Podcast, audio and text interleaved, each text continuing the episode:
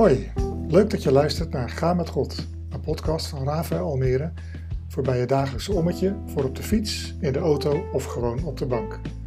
Laat je inspireren tot een goed gesprek met God en met elkaar. In deze aflevering luister je naar een 5 minuten inspiratie over het woord trouw en krijg je een speciale uitdaging mee. Veel luisterplezier! Over trouw. Vorige week zaterdag was die finale van Wie is de Mol. Wij zijn enthousiast kijkers van dit programma en met ons vele Nederlanders. Iedere keer hoor je aan het einde van de intro de woorden Trust nobody gefluisterd. Een herinnering dat niets is wat het lijkt en dat er één iemand is die de boel probeert te saboteren.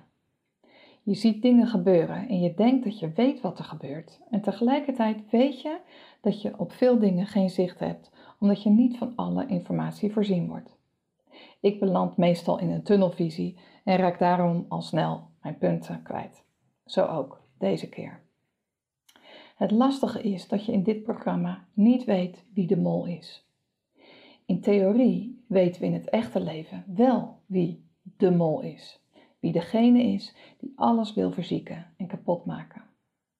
Maar toch geldt ook in het gewone leven dat het toch lastig is om te duiden wat door de mol gedaan wordt en wat door gewone kandidaten gedaan wordt.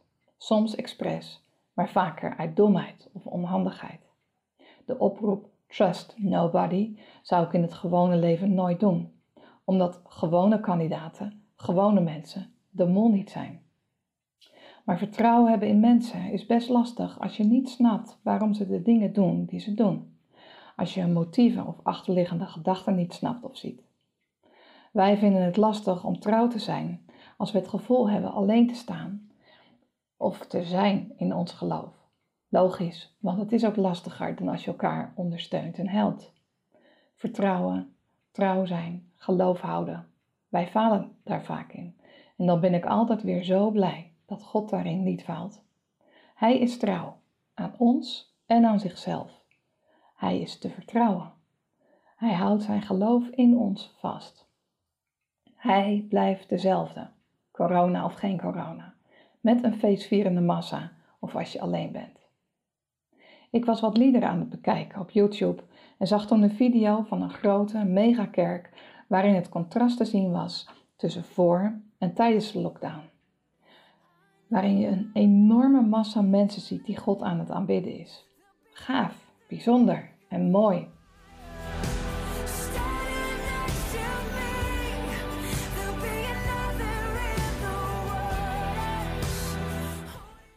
Als contrast zie je alleen de zangeres bij haar thuis door een microfoon zingen.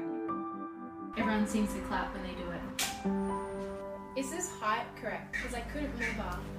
There's a grace when the heart is under fire. Ze heeft wat contact via Zoom, waarbij de kinderen van de bandleden door het beeld lopen. Heel gewoontjes allemaal en toch bijzonder. En het drong tot mij door hoe wezenlijk en ongelooflijk belangrijk het is om in het gewone, dagelijkse God te kunnen aanbidden. Het is gaaf om de momenten te hebben om als groep gezamenlijk te zijn en zo gedragen te worden. Er staan verhalen in de Bijbel waarin het volk in de massa God aanbad, waarin ze samen zongen en dat er veel gebeurde. Heel bijzonder en heel gaaf. Maar er staat zo mogelijk nog veel meer verhalen waarbij één of twee personen zongen of baden en dat God op een geweldige manier antwoord gaf. Elia bijvoorbeeld op de berg bad één eenvoudige zin en het wonder gebeurde. En Paulus en Silas zaten in de gevangenis. Ze zaten in de problemen, maar zongen hard, heel hard, met een luide stem en de deuren gingen open. Samen bidden is fantastisch. Je kunt je waarschijnlijk veel gemakkelijker focussen en je laten meenemen. En dat is goed en nodig. Er is niks mis mee. Maar als je in je leven niet zelf, alleen God kan aanbidden, bij Hem kan zijn en je door Hem kan laten oprichten, dan wordt het leven wel zwaar. De basis van je geloof is niet de gemeenschappelijke beleving, maar die van jouw relatie met Jezus. En daarom deze uitdaging. Ik zou je willen vragen om deze week in ieder geval één keer God heel hard te gaan aanbidden. Zet een nummer op je oortjes dat je mooi vindt. Ga op je kamer zitten of ga in het bos lopen, op de fiets, in de auto, tussen mensen of juist ergens alleen. En zing, zonder rem. Hef je armen op, als toch niemand je ziet. Kniel, spring, huppel, dans, ren, wandel of sta juist stil. Druk met je lijf uit wat je zingt en wat je denkt. Roep het uit naar God, letterlijk. Weet je hoe bevrijdend dat is? Roep maar heel hard dat je Hem vertrouwt en dat je het allemaal verrekte lastig vindt hoe dingen nu gaan. Zing dat Hij goed is, te vertrouwen dat je in Hem gelooft. Weet je wat er dan gebeurt? Dikke kans dat je in een deuk ligt, of dat je juist heel hard begint te huilen. Misschien wel helemaal niks. Ik heb het allemaal wel een keer meegemaakt. Maar wat er sowieso gebeurt, is dat je geloof groeit. Je vertrouwen in Hem. Het geeft je lucht en vrijheid in je lijf. David deed het ook en het hielp hem ook. En ik zou je daarom willen vragen om het gewoon een keertje te doen. Om te groeien in vertrouwen en geloof in Hem. En om trouw te zijn en te blijven aan Hem en op die manier ook aan jezelf.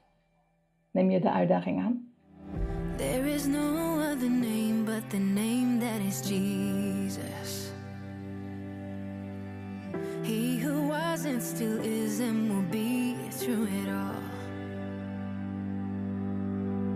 So come on, mate, in the space between all the things unseen and this reckoning. I know I will never be alone. In the